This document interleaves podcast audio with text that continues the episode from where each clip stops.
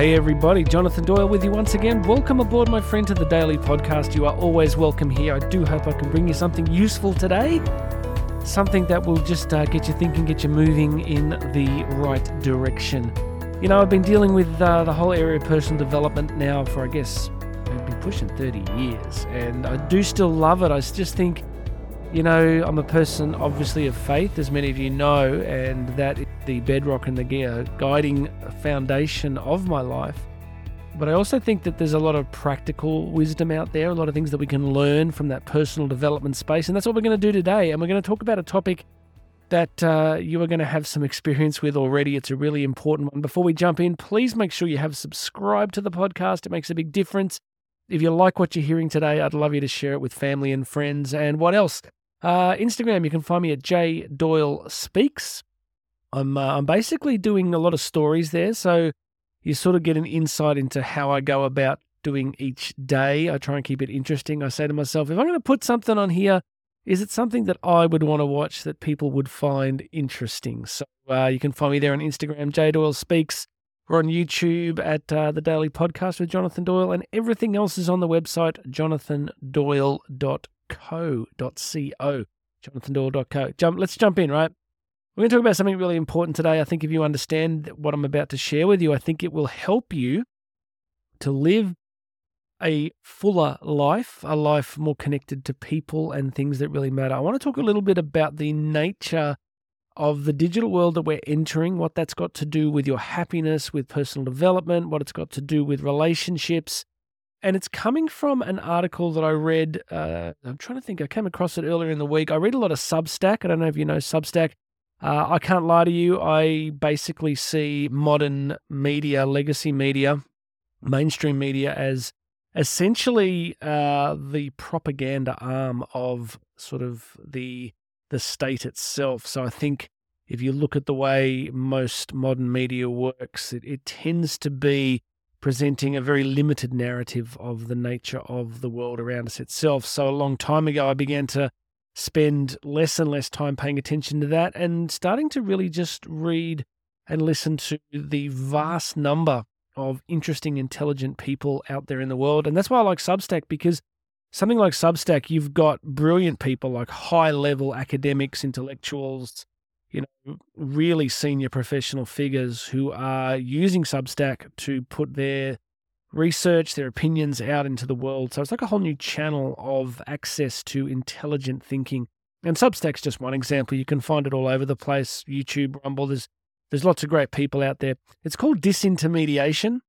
I didn't want to really get into this in the podcast, but, you know, I often say to my kids when I grew up, we had basically three TV channels uh, you know, and, and, I remember when a new channel came online in my early teens, and it was like a big deal, right? It's like so your your information came from one or two. You know, I guess in the US, I think you had what ABC, was it NBC, CBS? Like you had these kind of um, major networks. Sorry, my American friends, if I just completely bombed that, but you get my point. There was kind of one or two or three main channels of information.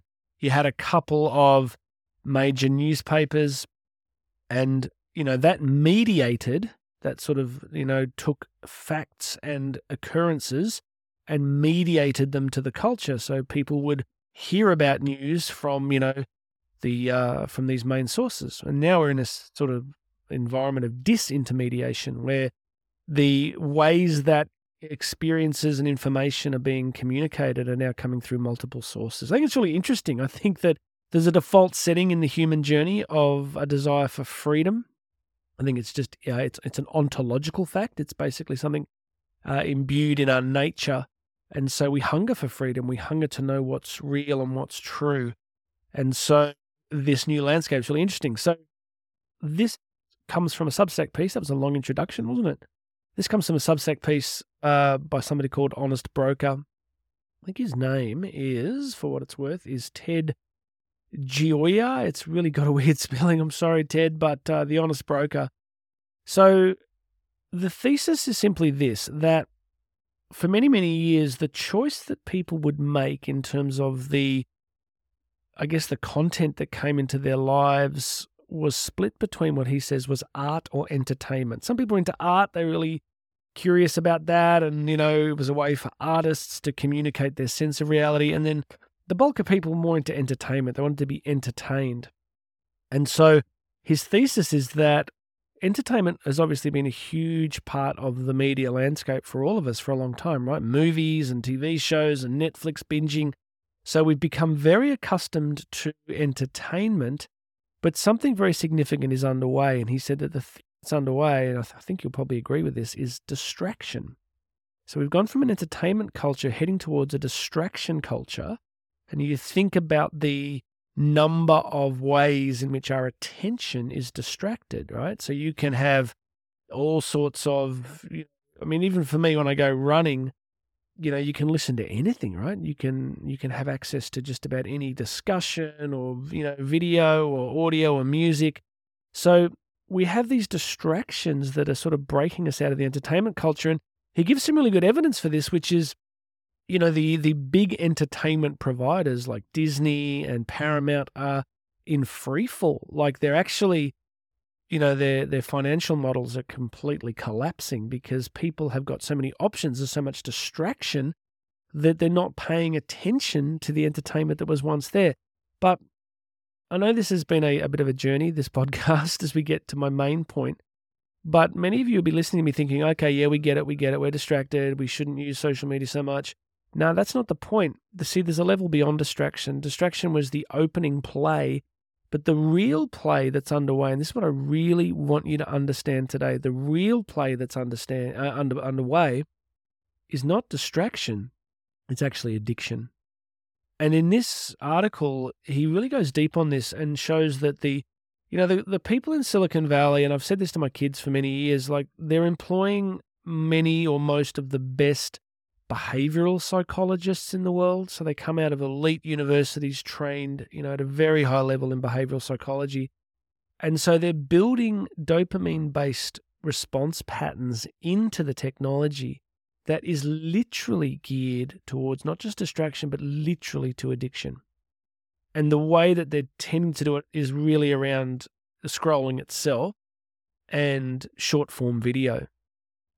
So, what we're getting is because they understand neural circuitry, because they understand the human biological person, they understand the dopamine sort of uh, the dopamine reward circuitry in play here. So, the act of scrolling, the act of video after video after video after video actually keeps us there. I mean, for years, when we built our first business, Karen and I would talk a lot about the impact of pornography on young people. We were doing a lot of seminars for educators and you know we eh, because of that dopamine reward system people could be trapped in hours of viewing and and because of that dopamine circuitry they'd end up viewing more and more extreme content because the people creating the content clearly understood the human dopamine reward system. So what does this got to do with you? How is this a motivational podcast? Well here's where i'm going. I think the first step is you and i have to begin to see this for what it is. That there is a play underway that is the merging of technology and science, you know, in a way that we've never seen, is that a certain group of people have figured out how to get people addicted to something. I mean, it's you go back to tobacco lobby, right? Tobacco, whatever else, like there's this historical sense of big corporations, you know. In terms of capitalism, I like how Churchill said that capitalism is the worst system ever invented except for every other one that's ever been tried. I always talk about capitalism as the least worst system. So, you know, because I think it's the best we've got. But we can see historically that when it's unrestrained, that when our systems of, you know, I guess commerce and finance are not reinforced with some kind of transcendent faith perspective, what we end up with is eventually some bad actors who figure out how to monetize human weakness. So here's what's happening is we're a culture that's going from distraction into addiction. So maybe that's just the essence of what I'm trying to say to you today. We're going from distraction to addiction. And I don't want to be addicted and I don't want you to be addicted. Why? Because I think we're meant to live. I think we're meant to contribute. I think we're meant to be alive.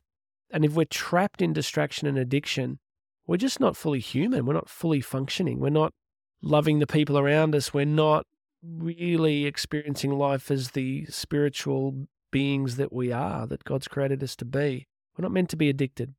You know, many years ago, I read a really important book called Libido Dominandi, which was a huge uh, sort of academic text on the way in which kind of governments have figured out that if you can enslave people and they don't know they're enslaved, they're much more easy to control. This kind of goes back to the Roman idea of bread and circuses, right? You keep the people entertained, you keep them satiated, then they tend to be more easy to control. And I'm wondering in our culture as we move into this vast area of distraction and addiction, and we're talking, you know, everyone's got a phone, right? Everybody is doing this. And I'm just wondering if there's some big forces in play here that we need to be aware of and need to be pushing back against. Because if you want to become fully who you've been created to be, you're not going to do it off the back of distraction and addiction. So there's an irony here because, you know, actually, uh, you know, I, I'm on Instagram and I'm posting, and all I can say, I guess, in my defense is that I'm always trying to create content that blesses people, that is, um, that is, you know, helpful content and not trivial I try to put stuff out there that's encouraging and inspiring. But maybe I'll get to a point where, you know, I, don't want to do that anymore either. So, you know, years ago, I had a, a big following on Twitter in the education space and, you know, literally a huge following. And I remember one day I was in a hotel room in Hawaii and coming back from speaking in the US and I, I deleted the account, you know, and, uh, with Twitter back then, you had 30 days, like you could initiate it and it would close your account, but it was 30 days before it was finally shut. And I remember sort of going through those 30 days trying to triple guess myself, am I doing the right thing here? And and it was gone. You know, maybe looking back, would I have done it differently? You know, could I have been helpful to people if I'd kept it open? I don't know. But all I know that it was getting distracting. I was filtering my life through, you know, every experience. Should this be on Twitter? Should this be on Twitter? What can I how can I use this for Twitter? And I began to realize that it was shaping my experience of reality itself. And so with Instagram now, I've got to a point where I I will post content, but to be honest, I don't look at any content, you know, very, very rarely. I just do not scroll. I just post because I want to help and then I just leave it at that. And uh, yeah, I know there could be amazing content out there that I'm missing, but I'm okay. You know, I often say, I said to my kids the other day, we were talking about something in school or education. And I said, yeah, well, Isaac Newton was doing calculus by 10, right? Now, Isaac Newton was pretty different to most of us, but my point was that there was still so many incredible men and women in history who were phenomenal thinkers doing amazing things in the world long before we had electricity. So I don't want you to be addicted. I want you to start thinking about the level of distraction and addiction that's present in your life through social media predominantly, but other forms of things. So I've got quite disciplined. I tend to now, I'm reading, I'm probably getting through at least two books a week at the moment, and I have an extremely busy life. But I make the time, and, and you know, I rarely, I use technology like entertainment technology to kind of serve me as best as possible. So my daughter, one of my daughters is really into rugby with me, so we will watch rugby together. So that's pretty much about my total of exposure to any form of like TV based stuff for for the week. Uh, I tend to listen to some stuff on long runs, but even this article challenged me to to realize that I've been a runner for years, doing often you know three or four hour runs at a time, and I've always done them with podcasts, and you know, and I'm thinking, well, I wonder what would happen if I just stopped and just got back inside my own sense of presence on the run and listening and just being with myself. So this is pretty revolutionary stuff these days, I'm afraid to say, recalibrating our lives to what is real, what is present, rather than having our lives dictated to us by enormous corporations. So I don't know what you think about that. Maybe you think you're all good and it's all fine, but uh, I think that the data and the research is telling us that there is something going on here that is basically positioning us to become trapped, and we don't want to become trapped. All right, well, I hope that's useful. I don't know. So uh, please make sure you've subscribed. Come and say good day. How ironic is this on Instagram? J Doyle speaks. come and say, come and give me a follow on Instagram and message me and say, Jonathan, do you see the irony of asking us to follow you on Instagram? Well, as I said, all I can say is I'm trying to put stuff there that's useful, and uh, everything else is on the website, jonathandoyle.co. Uh, why would you go there?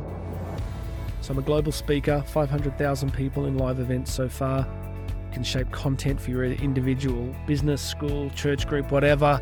And uh, doing a lot of consultancy work and mentoring and uh, executive coaching stuff. So everything's there on the website. Go check it out, jonathandoyle.co. God bless you, my friend.